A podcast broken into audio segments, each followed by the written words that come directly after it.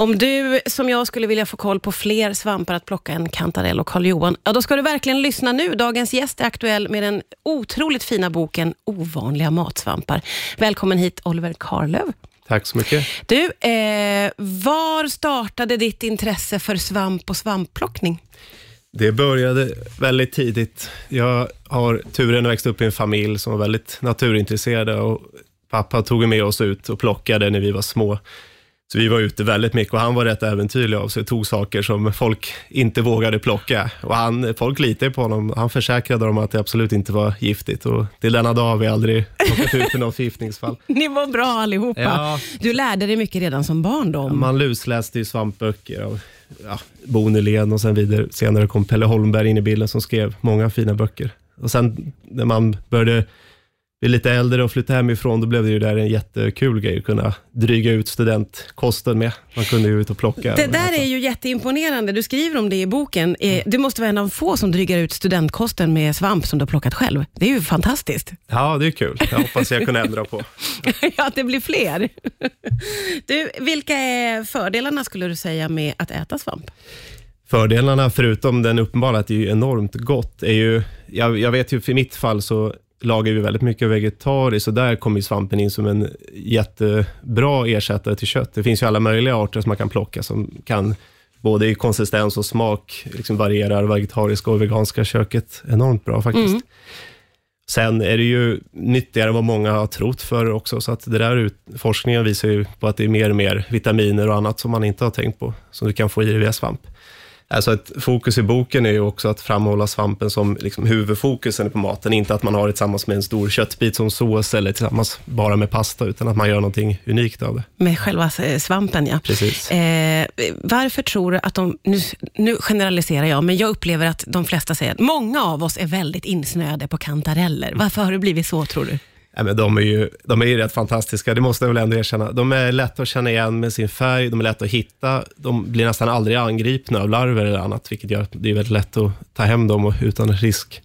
Och sen så är de väldigt svåra att förväxla med andra arter. Det är möjligtvis några falsk kantarell som du kan plocka Ja. mer misstag, men annars är det ju väldigt lätt. Nej, men eh, ja, Det, så det är det som gör att det blir enkelt för oss och då, det är som att man inte vågar ta steget vidare sig- sen. Nu pratar jag lite utifrån egen sak här. Man känner sig inte riktigt trygg med att, att våga plocka andra. Vad säger du om det?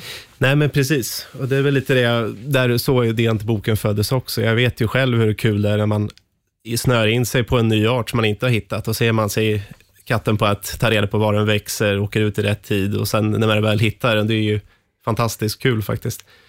Och även jag har ju inte hittat alla, men med den här boken så fick jag ge mig i kast med att hitta några nya arter så det var ju roligt. Väldigt kul. Du beskriver ju faktiskt eh, att plocka svamp som eh, nästan ett slags detektivarbete. Vi ska prata mer om det strax här på Rix FM. Riks FM. Idag gästas jag av Oliver Karlöv som är aktuell med boken Ovanliga matsvampar. Jag måste säga att jag blev jätte, jätte glad och imponerad när jag bläddrade i din fina bok. För du får verkligen med allting och den är otroligt vacker. Det är väldigt mysigt att vara i boken. Eh, vad har du själv för matsvampsfavoriter? Och ska man dela upp det i att äta och jaga då, eller hur, hur ser vi på det här? Ja, det är väl en jättebra indelning, för så tänker jag också. Ja, du gör det? Ja, ja. Och sen är det, det är inte heller, nu har jag med matsvamp i den här boken, men, och många av dem där är enormt vackra, men sen kan det ju vara arter som igelkottsrökssvampen har jag med på en bild bara för jag älskar den. Den är ju helt otrolig i sin liksom form. Den går inte att äta, eller man ska inte äta den, men när jag väl hittade den, jag liksom jublade för att jag var så lycklig. Sen, Va, vad händer i kroppen när du ser en sån då? Jo, nej, men det är kul. Det är många års liksom, sökande, i alla fall lite mer passivt, men ändå. Det är bakom en sån funnen art. Ja. Sen finns det ju sådana där svampar som jag upptäckt lite på senare år, som Goliatmusseronen, som finns runt omkring i Stockholm. Och annars är det vanligare norrut i Sverige. Ja. De börjar växa där redan nu faktiskt. Men det är ju snart som, när man väl har smakat den eller luktat på den en gång, så är det ju liksom, man kommer inte vara sig lik än. Jag Nej, hade men- med en vän och plockade där och han hade nästan en religiös upplevelse när han hittade sin första Goliatmusseron. Går det att beskriva lite vad det handlar om för den- dofter den- och smaker? Ja, den är väldigt kemisk i doften, men smaken, är- den är ju en av de dyraste matsvamparna på jorden, eh, i Japan framförallt. Men eh, den är ju kemisk, lite kanelaktig doft. Ja. Men sen är den stor, den är väldigt fast och den är mäktig när den växer där uppe på hällmarkerna. Så det är, liksom, det är mycket som kombineras till det här helhetsintrycket. Ja, just det. Och då är det också lite jakten på den då, Ja, eftersom exakt. den är lite svår. Den är rätt svår att hitta om man inte vet vart man ska. att Precis. ja. Du har ju eh, delat upp det så fint att du liksom förklarar för oss vad vi ska tänka på, vad de olika eh, arterna växter, växer och, och hur man ska bete sig. Och Det är otroligt fina bilder, men det finns också med ett recept till varje. Hur har du kommit fram till de här recepten? Ja, några av dem hade jag ju sedan innan, för jag lagar mycket vegetariskt hemma. Vi äter ju nästan bara vegetariskt hemma och då så hade jag några såna favoriter som jag kanske utvecklade lite. Sen var det en del svampar som jag tog hem som jag inte hade ätit lika mycket av förut och då var man ju tvungen att pröva sig fram. Och Du har var ju- experimenterat helt enkelt. Det blev väldigt mycket svampmatlagning hemma. Ja. För det, om jag får ge några exempel så finns eh, bläcksvampstempura, pizza bianco med stolt fjällskivling. Det är väldigt, väldigt roliga recept eh, som man liksom inte har hört talas om innan på något Nej. sätt. Nej, men det är kul. Jag försökte, det blev nästan till slut att jag gick världen runt och försökte hitta på lite olika ja, etniska recept. Från, så att det blev lite allt möjligt kul. Och sen ibland har jag försökt anpassa efter säsonger, då, så att om du har en svamp som växer tillsammans med vissa örter eller andra saker som du kan få tag i i naturen, så Ja. kombinerar jag det lite. Ja, det är väldigt, eh, väldigt eh, inspirerande recept får jag säga. Vi ska Roligt. Mm. fortsätta prata svamp strax här på Rix FM. Riks FM. Vi får eh, tips idag på ovanliga matsvampar. Det är Oliver Karlöv som är här, aktuell med boken med samma namn. Och nu pratar vi under låten här. Vi pratar oavbrutet, det finns mycket att säga om, om svamp. Mycket, mycket mer än vad jag kanske hade föreställt mig. Och en sak som ju jag har varit helt eh, säker på, det är att svampsäsongen, den är på hösten.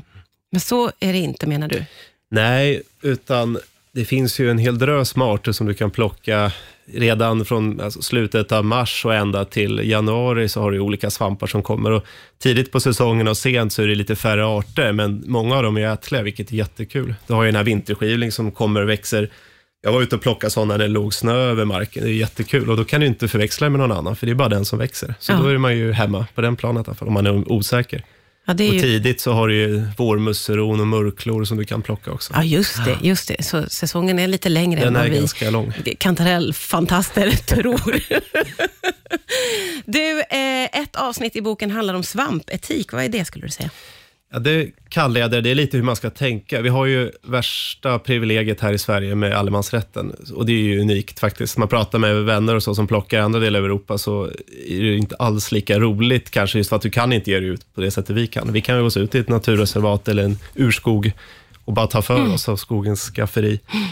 Men då tänker jag att då, ska man, då kommer en del ansvar med det förstås också, att man ska tänka på samma sak. Finns det arter som till exempel svavelticka som kan bli enormt stor och är vacker dessutom och växer på gamla ekar. Och då bör man inte skörda en hel sån där och komma hem med 20 kilo svampkött, utan man tar det man behöver lite. Och samma när det gäller andra arter också. Ja, just det. Lite sunt förnuft. Sunt förnuft, precis. När man är ute. Exakt. Och Man kan ju också, som du nämner i boken, eh, odla egen svamp. Är det någonting som du har gett dig på? Mm, det har jag gjort. Vi, vi har gjort det i familjen länge faktiskt. Jag minns när jag var barn gick det att köpa från Uppsala, såna här mycel då, som man köper i block. Så Ja. vi har ju Stolt fjällskivlingsodling nu som har gett svamp i över tio år. Och så det är liksom helt fullt på somrarna med en av de bästa matsvamparna som finns. Oj! Så det finns ju alla möjliga varianter. Sen har vi odlat, kan man odla shiitake, ostronskivling och sådär på stammar då, som man borrar hål i. Ja, just det. Men är det någonting som man måste ha en stor tomt för, eller kan man ha det Nej, på balkongen? absolut Eller? inte. Du kan odla många av de där, speciellt vedsvampar kan du odla hemma i lägenhet. Det Ah, går ja, jättebra. Det är Ja. bara att vattna den regelbundet och sådär. Så det är ju något som skulle kunna bli väldigt stort. Ja. Men det är fortfarande en väldigt nischad grej, men det är jätteroligt att kunna skörda sen. Ja,